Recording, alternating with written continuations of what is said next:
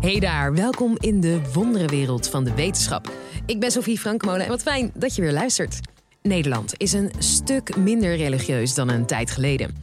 Maar volgens antropoloog Michiel van Wel van Universiteit Maastricht verdwijnt religie niet uit onze maatschappij. Het heeft alleen een andere vorm. Namelijk die van iPhones, smartwatches en vibrators. Huh? Hebben we Jezus ingeruild voor onze smartphone? Dit is de Universiteit van Nederland.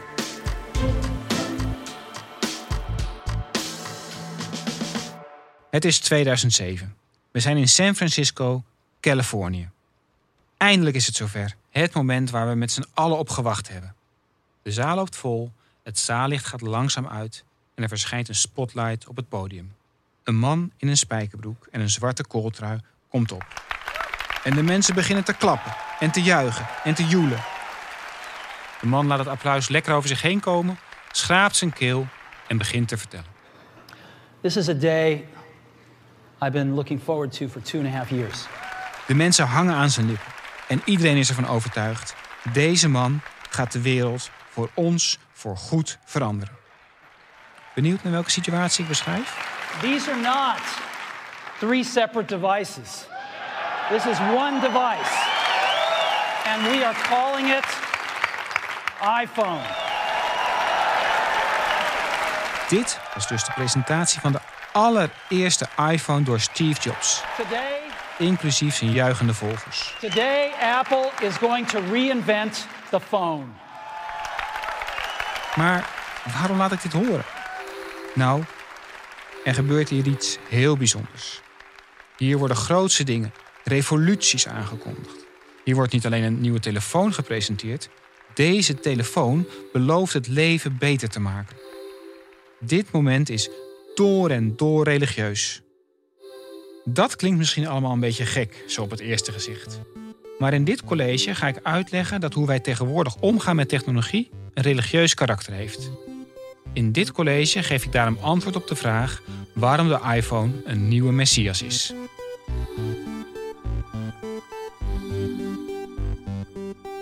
Laat ik jullie eerst uitleggen wat ik onder religie versta. En het is daarbij belangrijk om te weten dat ik een antropoloog ben en geen theoloog. Theologie of godgeleerdheid onderzoekt het denken over God. Een antropoloog onderzoekt het doen en laten van mensen. En als het om religie gaat, probeer ik als antropoloog te begrijpen hoe mensen vormgeven aan religie en hun religieus leven inrichten. Zo leren we de mens als religieus wezen beter begrijpen. De westerse mens in de 21ste eeuw ziet zichzelf graag als rationeel.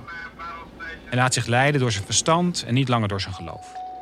We hechten grote waarde aan kennis en proberen alles te begrijpen door middel van wetenschap. Dat is misschien ook wel waarom jij graag naar deze podcast luistert. Maar dat neemt allemaal niet weg dat wij in ons denken en doen nog steeds gebruik maken van allerlei veronderstellingen, overtuigingen en idealen die niet gebaseerd kunnen worden op wetenschap. Want waarom vinden we zaken als rechtvaardigheid of een mensenleven zo belangrijk? Het zijn zaken die buiten kijf staan, maar niet zozeer te bewijzen zijn. Veel meer hebben ze te maken met wat we waardevol en wat we belangrijk vinden. En dat heeft weer te maken met hoe we tegen de wereld en het leven aankijken. Is dat door God gegeven of is dat een schitterende samenloop van evolutionaire omstandigheden? Wat je ook denkt of vindt, waarden, overtuigingen en idealen hebben we allemaal. En dat maakt het interessant om ook in onze seculiere technologische cultuur onderzoek te doen naar religie. Maar wat is religie dan? En wat maakt iets religieus? Kort gezegd, religie draait om het heilige. En het krijgt vorm in geloof, in rituelen en in gemeenschap. Ik zal dat verder toelichten. Het heilige is hetgene dat boven alle twijfel verheven is. Het is buitengewoon en onaantastbaar. En dat kan een bovennatuurlijke God zijn, maar het kunnen ook andere zaken zijn waar je met goed fatsoen niet tegen kan zijn. Bijvoorbeeld de democratie, gezondheid of mensenrechten.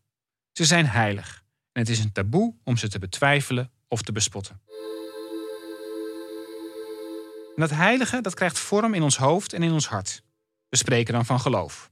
Bijvoorbeeld een geloof in God of in Allah, maar ook het geloof in zoiets als the American Dream. At last, the Bryants have all the space they need, the home they've always dreamed of, the happiest investment they have ever made. Het geloof bepaalt hoe je naar de wereld kijkt, wat je overtuigingen, idealen en inspiratie zijn. In de American Dream bijvoorbeeld staan idealen als democratie, gelijkheid en vrijheid centraal. De overtuiging is dat die vrijheid iedere Amerikaan de ruimte biedt om zelf te streven naar succes en geluk.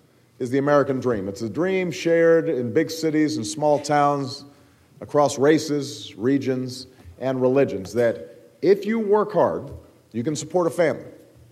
That if you get sick, there will be health care that you can afford. That's our common hope. Naast het geloof geven we ook vorm aan het heilige door wat we doen, door rituelen. Mensen bidden, gaan naar de kerk en dopen hun kinderen om een relatie met God op te bouwen. Als je de American Dream leeft, dan werk je hard, geloof je in kansen en ben je ondernemend. Om jezelf te ontwikkelen en succesvol te zijn. Het heilige wordt tenslotte gedragen door de gemeenschap.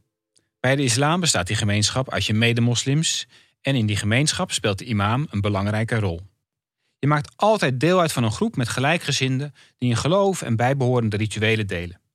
En als iemand uit die groep het moeilijk heeft, dan schiet de rest te hulp. Je zou het misschien niet verwachten, maar ook bij de American Dream is die gemeenschap belangrijk. Dan hoor je bij de Amerikanen die ook geloven in deze droom van succes en geluk. En ze delen de iconische voorbeelden zoals Henry Ford, Oprah Winfrey en Steve Jobs. Dus geloof, rituelen en gemeenschap zijn de drie elementen waarin het heilige vorm krijgt. En misschien merk je nu ook wel waar ik naartoe wil met dit verhaal. Deze elementen van religie zijn niet alleen zichtbaar in de traditionele religies, maar ook in de seculiere samenleving waarin wij leven. De mens is een religieus wezen. Hij zoekt altijd naar zin en inspiratie. Geeft die praktisch vorm in rituelen en vormt een gemeenschap rond het heilige. Religie geeft de mens zin in het leven.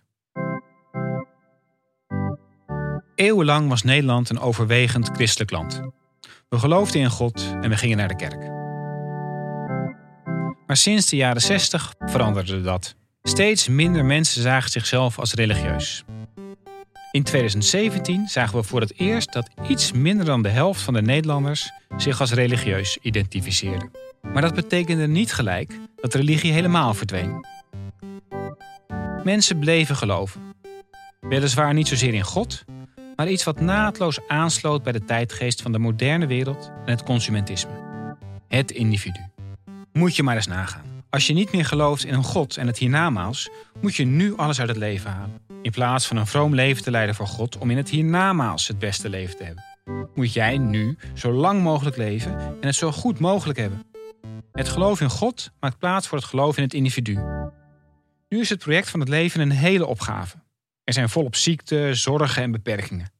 En om het individu een handje op weg te helpen, grijpen we steeds vaker naar technologie. We ontwikkelen een technologische cultuur. Met technologie geven we de gezondheidszorg, het onderwijs en de wereld vorm. En technologie bepaalt de blik op het leven.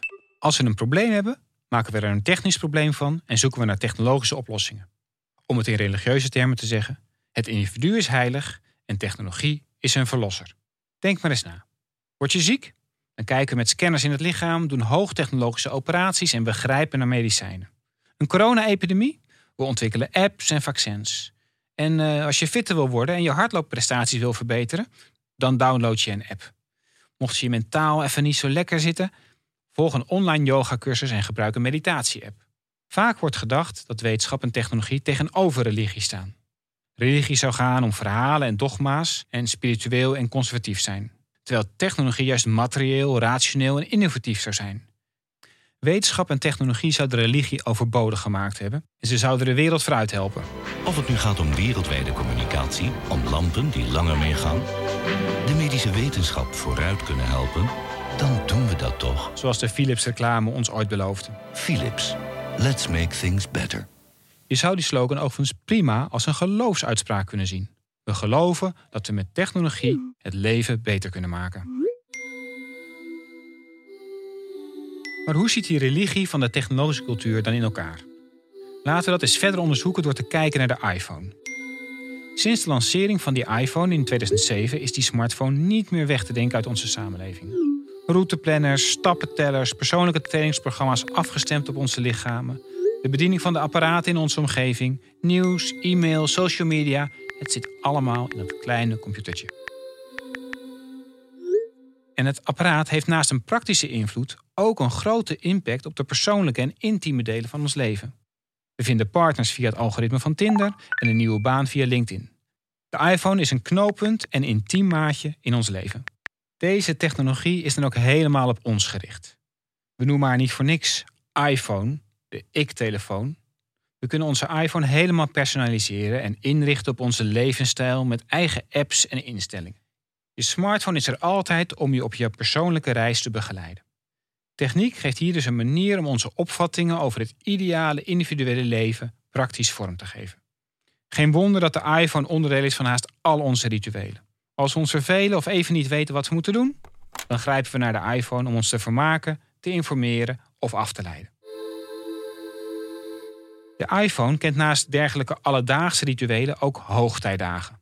Als er een nieuwe versie van de iPhone gepresenteerd wordt, dan worden er bijeenkomsten georganiseerd die meer het karakter hebben van een eredienst dan van een technische productpresentatie. Voor een grote groep uitverkorenen worden de nieuwste wonderen van de techniek geopenbaard door een priester in een kooltrui. Of denk aan de hysterische openingen van Apple Stores, de tempels waar de consumentbelievers niet kunnen wachten met het kopen van de nieuwste iPhone.